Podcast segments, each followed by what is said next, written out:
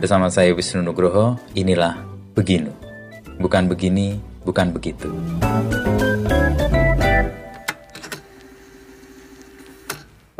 Selamat datang di Beginu Wrap Up Episode. Sebuah rangkuman dari kisah-kisah Beginu supaya kamu bisa mendapat benang merah dari obrolan yang dilakukan Wisnu Nugroho. Suka dengerin true crime berdasarkan kisah nyata dari seluruh penjuru dunia? Dengarkan podcast Tinggal Nama yang diangkat dari cerita kriminal majalah Intisari. Persembahan video by KG Media dan Intisari di Spotify. Saat semuanya sudah terlambat.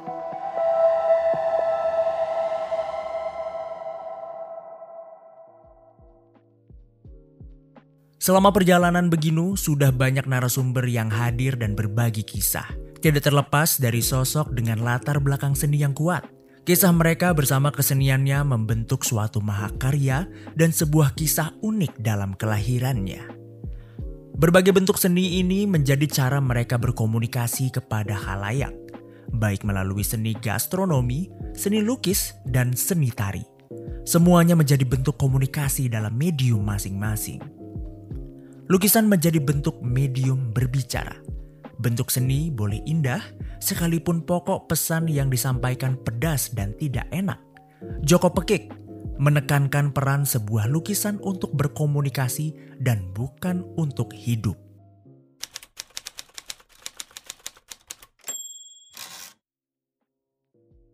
Tapi bantuan yang Pak Peke berikan, kayak tadi yang lukisan keretaku tak berhenti lama itu kan juga cara berkomunikasi tentang solidaritas sebenarnya ya. Ya, oh iya. Bagaimana para buruh itu sebenarnya juga punya perasaan ingin membantu temannya yang lain yang juga merasa kesulitan. Mungkin ada begitu, tapi sebagai saya ambil perumpamaan mm -hmm. itu ya kurang artistik. kan kerja artistik, mm -hmm. tidak hanya karya seni lukis hanya bisa bicara kepada publik tok itu tidak ya harus berbahasa politik pun dirubah jadi indah sekali lukisan itu indah hmm. enak dilihat tapi tetap bicara hmm. jadi nggak bisa condong di salah satu aja ya Pak Peke ya? ya. Indahnya tapi nggak berbicara atau berbicara tapi nggak indah? Ya. Aha. Pak Peke merasa karya Pak Peke itu condong ke indahnya atau ke bersuaranya? Ya, mudah-mudahan indah dan bersuara, indah dan berpendapat, hmm. indah dan bisa hubungan sama publik. Orang sastrawan dengan bahasa, katakanlah bahasa Indonesia, tidak eh, sastrawan kan hmm. kan dengan bahasa yang bagus sekali pelukis, pelukis. juga hmm. gitu maksudnya bicara jelek hmm. bicara yang jelek bicara yang marah tapi lukisannya yang bagus hmm. bertema yang bagus Mbak mengatakan apa saja dengan bahasa yang bagus Mbak saya tiru loh Mbak. Mbak Purnama. Sastrawan kan dia. Kalau untuk semua karya Pak Peke yang menurut Pak Peke paling bersuara yang mana? Ya berbulu celeng. Berbulu celeng. Itu. Ya. itu kepala negara melengsarkan kepala negara kan tidak ringan. Mhm. Kalau melengsarkan Mbak Purnama wae gampang. Tapi itu emang jadi tanda zaman itu ya Pak Buke ya? Tanda ya. zaman dan didukung rakyat se-Indonesia kan. Hmm. Tidak ada yang anti. Hmm. Dan berburu celeng Itulah itu. penderitaan rakyat Indonesia kena penderitaan sakit satu zaman zaman Soeharto. Mhm. Kalau Pak Peke tadi menyebut seni dan karya itu sebagai alat perjuangan, ada anak yang melanjutkan persenian Pak Peke nggak? Dari itu terserah anak-anak. Oh, terserah anak-anak tidak boleh melukis karena melukis itu berat, Mas. Karena? Ya berat, tidak tahu. Saya lihat anaknya pelukis-pelukis yang ya mungkin Sudoson Yono, Apadi, Indra Gunawan, itu saya lihat-lihat anaknya ya jadi pelukis. Kok tidak jadi jadi pelukis kok tidak tidak hebat. Hmm. kok malah menjadi tukang malsu tukang apa kan jelek sekali hidup kok jelek sekali ya sudah kuliah mata pencarian untuk cari sesuap nasi kalau kuliah umum kan ya tidak seperti Joko Pege jadi pelukis.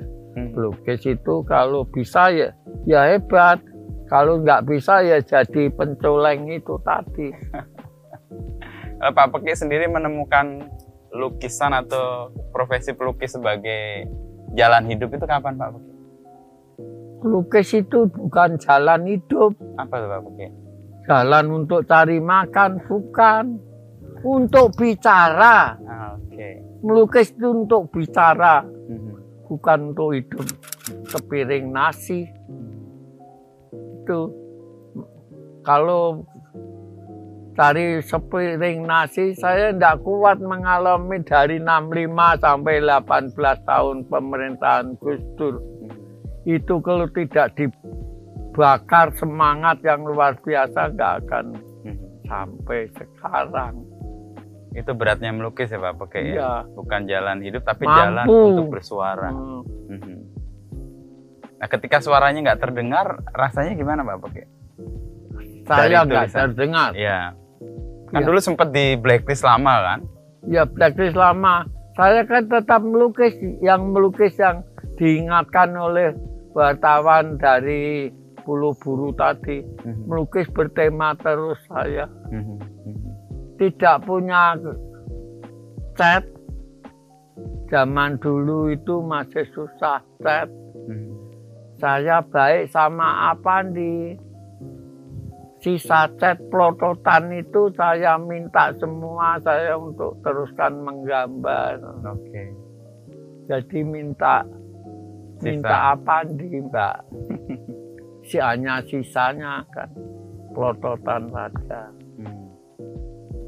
itu untuk rencana Pak Peke untuk bersuara terus itu ya, ya? Untuk saya melukis mm-hmm. saya belum mampu membeli cat waktu jahit itu ya 18 tahun jahit itu ya mm-hmm. makan aja sering nggak bisa mm-hmm. seminggu itu bisa makan dua dua hari tiga hari aja sudah senang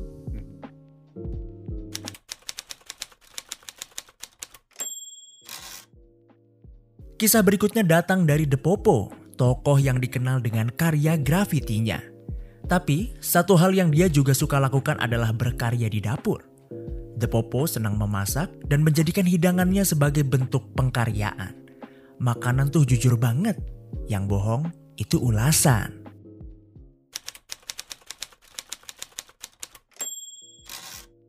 lo maknai hidup lo dengan masak ini apa? Lo kan dikenal sebagai nah. seniman atau muralis lah atau bahkan dosen. Tiba-tiba masak itu lo gimana itu ceritanya? Ini sebenarnya profil yang lama gue sembunyiin sih sebenarnya. Hmm. Gue merasa keanoniman gue itu ketika orang nggak tahu gue bisa masak. Ah. Itu baru gue anonim. Oh kalau misalnya di graffiti ya yeah, orang yeah. ketemu profil gue wah ini lu The Popo ya gitu hmm. oh iya gue The Popo gue gak ngerasa anonim karena okay. buat gue pengkaryaan itu uh, nggak terlalu belum terlalu penting lah hmm. pengkaryaan gue hmm. Tapi kalau udah masak mungkin kayaknya penting banget jadi uh, orang harus melihat si produknya daripada profil gue gitu. Okay. gue pengen yang kayak uh, datang nggak tahu ini buatan siapa makan kalau komplain bisa langsung mm-hmm. tanpa harus ada sugesti ini popo yang bikin okay. gitu. mm-hmm. kayak gitu-gitu gue senengnya kayak gitu kalau di berkesenian tuh lebih yang hmm, gue udah 21 tahun lima tahun belakangan ini jadi nggak ada effortnya gitu gue minim revisi Oke, karena Sama. orang terima semua ya. terima semua bahkan yang ketika orang lain yang bikin terus gua ambil terus gua bilang Ini gua karya yang lu. bikin." Iya, orang nggak ada komplain percaya. Oh itu pada level itu. Iya. Oh, itu menjemukan buat lo. banget Hmm. banget banget nggak ada nggak ada perang gitu. Dalam arti itu nggak ada perang. Kalau masak kan lu yang menariknya gini. Eh gue masak cet. Ini orang udah respect banget nih sama gue Mhm. tiba-tiba kok masakin. Sepanjang masak tuh kayaknya dia kagum banget sama gue Oke. ketahuan ya maksudnya gesturnya gitu. Entah dia ngelihat karya gue dulu atau apa gitu. Tiba-tiba gue asinin nih nih gue asininnya lima kali li- lipat gitu gue asinin Oh, Gua mau tahu. reaksinya. Tak. dia kayak Ragu. aduh anjing ini asin banget terus kata dia kok gue tuh demen karya-karya lo cuman nih masakan lo asin banget gue nggak bisa bohong nah di situ kan di makanan tuh yang gue demen ya ketika secara obrolan lu mungkin wah enak nih enak gestur lu nggak bisa bohong Ah oke. Beda sama seni ya. Seni. ya saya mah anjing busuk parah asli sebel gue Tapi kalau makanan lo nggak bisa. Bahasa tubuh lo nggak akan membohongi apa yang lo rasain ya. Iya iya, gue nggak tahu kenapa ya. Ya contoh kayak, ya gue pak seneng ngeliat mm, challenge yang di TikTok tuh ya, yang challenge eh, makan lemon. Mhm. Iya kan, yang tahan. Ekspresinya Iya, itu ya. Ya itu contoh kecil ya. Lu suruh di sini nih anak-anak, Mhm. nah pernah taruhan kan. Eh ini seratus ribu, ini blimbing mulu, yang ada ekspresinya, lu ambil seratus ribu. Wah itu, itu lucu banget. Maksud gue, emang makanan tuh jujur banget sih. Makanan jujur banget. Yang bohong tuh review. yang bohong tuh review. Gue nggak percaya review makanan sih. Oke. Sejauh gue ngeliat di YouTube. Hmm. Sejauh gue ngeliat di YouTube. Tapi tahu ya. review itu kan jadi kayak kalau untuk sekarang orang makan kan guide-nya dari review ya. Hmm. Iya. Lo maknanya gimana kalau lo nggak percaya sama review? Gak tau, gue selalu bilang, ya gue cuman ngiler secara visual lah. Oke. Lu bisa, kita nggak ngomongin rujak ini enak apa enggak, tapi lu kalau ngeliat rujak tuh kayak Ngiler. ngiler lu, itu udah cukup sih sebenarnya, itu udah cukup uh, memakai indera-indera lain di tubuh lu gitu. Terus kayak gue ngerasa uh, berbicara makanan yang paling benar adalah pengalaman. Jadi, eh nah gue kemarin baru ketemu eh, ada warung temen gue. Eh, eh, dia orang baik banget lah ini bapak-bapak dia orang baik banget. Masaknya tuh tulus banget gitu. Ketika eh, suatu ketika dia dagang, dikasih bintang dua nih sama pelanggannya. Kata pelanggannya dia tulis nggak seenak eh, eh, nggak seenak yang gue temuin di sosial media. Terus dikasih bintang dua gitu. Lah makanan tuh maksud gue loh lu makanan gak enak dikasih bintang dua kecuali kecuali lu ke warung itu terus dilayaninnya nih sendoknya biar nih garpunya biar. Itu baru lu kasih bintang satu gitu.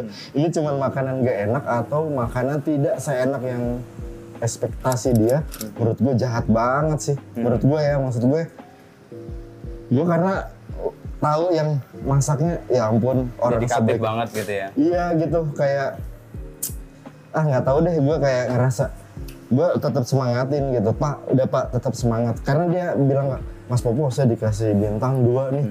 Makanan saya nggak enak ya gitu. Gila lu makanan lu udah nggak ada yang kurang. Gue bilang pak makanan itu unlimited pak. Lu mau sampai mana gitu. Cukup kalau udah cukup segitu cukup. Ini buktinya ada orang kata dia nggak terlalu enak seperti apa yang dikatakan di sosial media. Ya enggak udah nggak usah itu mah dia suruh makan aspal aja orang kayak gitu udah Tapi kan soal makanan, kalau gue sering percaya dengan ada game kalau soal rasa kan nggak bisa lo perdebatkan kan? Hmm. Iya, Ya, betul, Tinggal, betul. tinggal ekspektasi rasa Betul, lo kayak betul, apa. betul, betul. Kalau cocok ya berarti Benar, klik. Kalau nggak lo butuh tempat makan lain kali kan? Iya, sesimpel itu sih sebenarnya. Cuman buat gua si review-review ini jadi sabda gitu. Iya kan? Jadi nge-guide orang Iya. seolah-olah dia yang bener ya. Iya iya kayak eh, food blogger gitu, katakan terus dia selebgram juga, terus bilang anjing nih enak banget nih makanannya enak.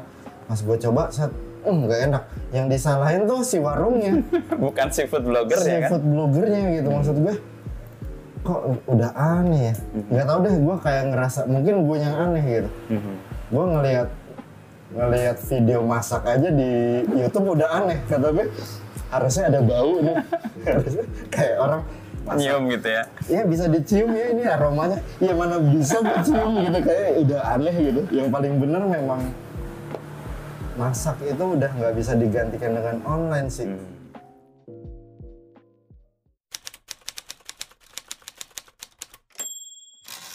Kisah selanjutnya datang dari penari ulung Indonesia, Didi Nini Towo. Ia berbagi kisahnya kepada Wisnu Nugroho tentang kisahnya menemukan kecintaan kepada tari.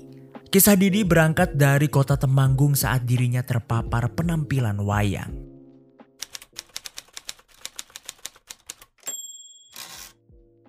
Nah, kemudian bisa Mas eh, Didi berangkat dari Temanggung kan ya, kecintaan dengan seni, tari, menari, lalu ke Jogja, lalu tahapannya gimana Mas Didi untuk bisa kemudian menemukan ini, ini jalan saya, jalan pengabdian seni saya dan sampai sekarang. Ya. Jadi eh, ceritanya flashback ya tadi. Oh iya kita, Iya. biar saya ingat-ingat masa lalu meskipun Ingat masa jauh lalu. banget. Betul. saya waktu itu kan memang dari kecil senang menari. Mm-mm. Tapi sebenarnya saya itu punya bakat gambar, Mas. Gambar. Iya, jadi eh, kakek saya memang pingin saya nanti kuliah di seni tari, eh seni apa, seni rupa, bisa menjadi pelukis yang handal gitu loh. Cita-cita kakek itu. Bener, dan saya memang senang juga. Kayak saya juga bisa gambar sedikit gitu kan. Terus prakarya di sekolah saya juga menggambar, Mas. Hmm. Tapi dalam waktu yang bersamaan, jadi paralel ini jalannya Oke. ceritanya. Nari. iya, kan saya sering nari di sekolah misalnya ada perpisahan atau apa gitu. Katanya karena kalau saya menari itu luas gitu kan, gurunya bilang gitu.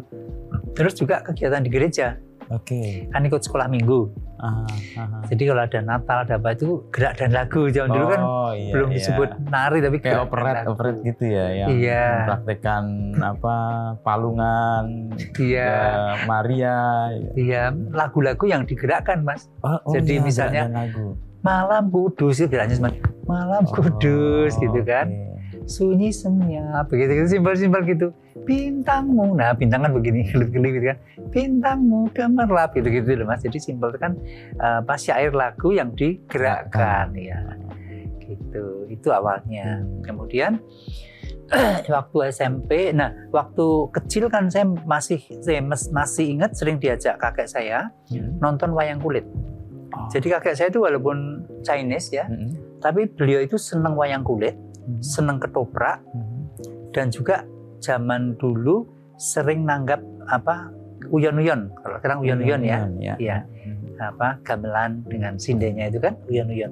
Sering itu. Jadi kalau kalau dulu itu kalau misalnya apa ya di Temanggung itu kan anu, panen tembakau kan. ya sana hasil buminya luar biasa ya Nah kalau ada itu pada kumpul-kumpul Mhm. kemudian itu. nanggapnya uyon-uyon itu kelenengan kalau Iya, ya, iya. Nan- nanggap kelenengan dengerin gitu nah kakek saya itu senang banget Mhm. dengan apa kelenengan itu uyon-uyon ya Mhm. ya mungkin namanya senang kan nggak tahu ditanya kok senang kenapa ya senang aja kan connect hatinya kah atau Iya. perasaan yang tersentuh tapi bukan pelaku ah Jadi, penikmat ya lebih penikmat ke- aja. oke oke Iya.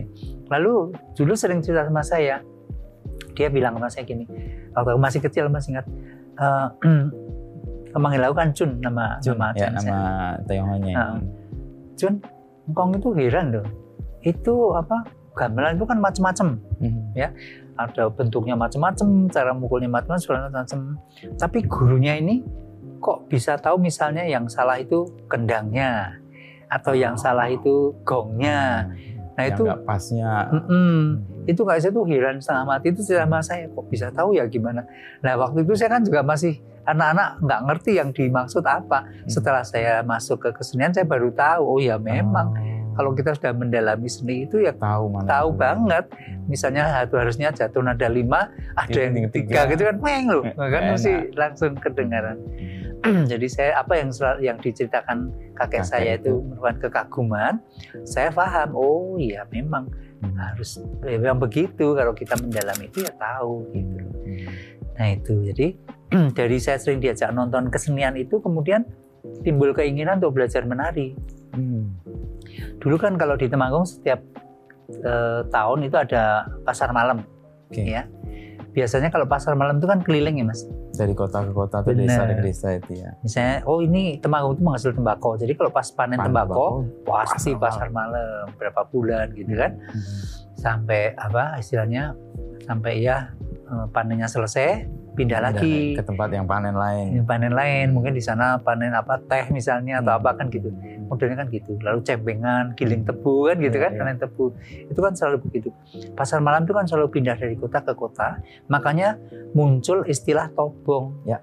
ya kan? Ada ketoprak tobong ada ludruk tobongan Tobong, ya. ada wayang tobong kan begitu. Nah saya nonton itu mas. Dulu sering nonton itu. Nah zaman kecil kan memang nonton kan anak kecil ya masih kecil itu sering ngintip di apa di pagar itu kan pagarnya dari bambu ya. itu Ah, ah, di bilik gitu ya. dilubangin gitu kan dilihat di situ nanti digedor dodor anak kecil lucu lari gitu kan sering nah itu nostalgia itu kemudian kebetulan teman sekolah saya SMP Hmm. itu bisa menari Hmm. bisa main wayang wong bisa menari bisa nembang gitu Wah, lengkap sekali itu. iya dan dia anaknya pinter namanya Mbak Sumiasih Oke. saya masih ingat nah saya sering kalau belajar ada PR gitu ke rumahnya dia Mhm. nanti kalau ngerjakan PR sudah selesai terus dia kan sering nembang sering latihan nari yuk melu aku juga Ah, nah ikut ikutan oke. gitu Mhm. dari ikutan gitu mas. Itu Lama-lama masih di Temanggung gitu ya. di Temanggung lama-lama itu ketagihan jadi saya jadi seneng nari gitu Hmm. loh sampai saya ketemu guru saya yang katanya bisa tari Bali Mhm. yang tadi kainnya ada itu Oh kan ya, kita Iya. lihat tadi itu ya. Nah, Tujuh, itu kan empat, ya, enam sembilan tadi. ya? 69 Ya. Heeh, itu kan eh, apa dia itu pemain ketoprak dia bisa wayang wong bisa ngajari gamelan Mhm. bisa nembang jadi seniman dulu itu all round loh mas seniman di daerah desa Iya. itu all round karena mungkin memang memang nggak ada yang lain kan jadi harus kan dikuasai ya. bener semuanya harus menguasai kan begitu Hmm. Nah kalau kalau di sini mas justru ada yang ahli kerawitan sendiri Tari tarinya sendiri kan gitu Padahal justru lebih ahli yang bisa menguasai semua ya. Memang susah kan. Tapi umumnya zaman dulu kok begitu banyak yang begitu ya. penguasanya iya. Hmm. Nah itu saya belajar dengan beliau namanya almarhum Pak Sugianto namanya. Saya Ah. masih ingat. Hmm. Nah Pak Sugianto itu profesi hariannya itu tukang cukur barbir. Cukur. Iya. Oh, Nah saya langganan ah, Karena oke. ke apa eh, apa namanya rumah-rumahnya kecil kiosnya itu tempat kiosnya- itu. nah, di depan rumah kakek saya. Oh oke. ya di halamannya gitu kan. Hmm. Terus kemudian saya kan dari kecil memang dekat sama kakek nenek. Hmm. Jadi istilahnya seperti ya kan anak laki-laki cucu laki-laki pertama, ya. Nah, jadi mesti di, ah, iya, kebayang ini. ya mesti kan gitu kan di keluarga mana pun.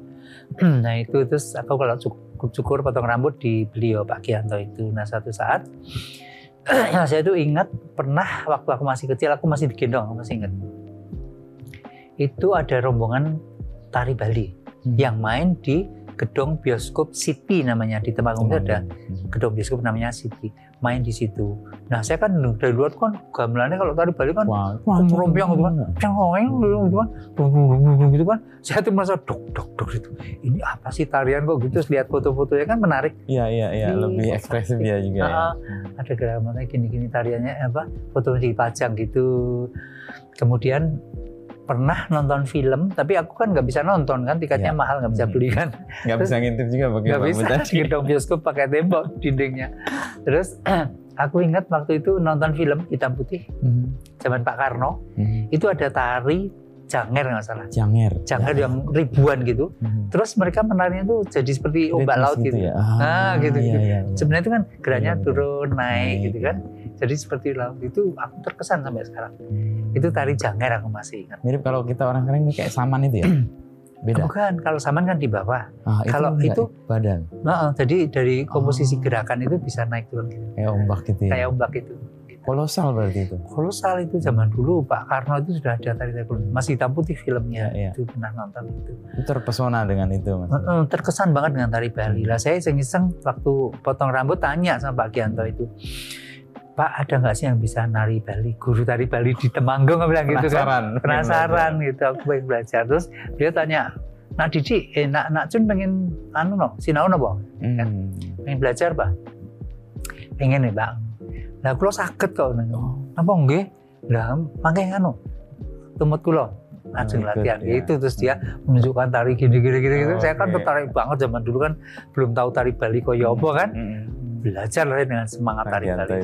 Pak Gianto. Terus tarinya katanya legong namanya.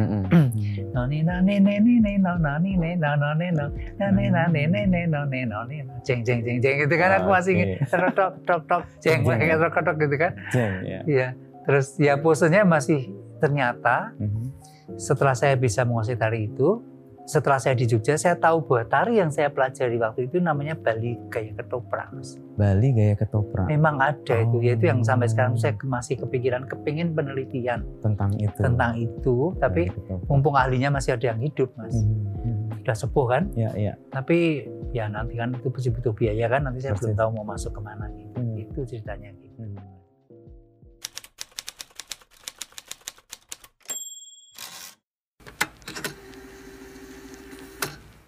Demikian rangkuman kisah perjalanan Wisnu Nugroho bersama narasumber inspiratif. Nantikan Begino wrap up episode lainnya. Terima kasih sudah mendengarkan.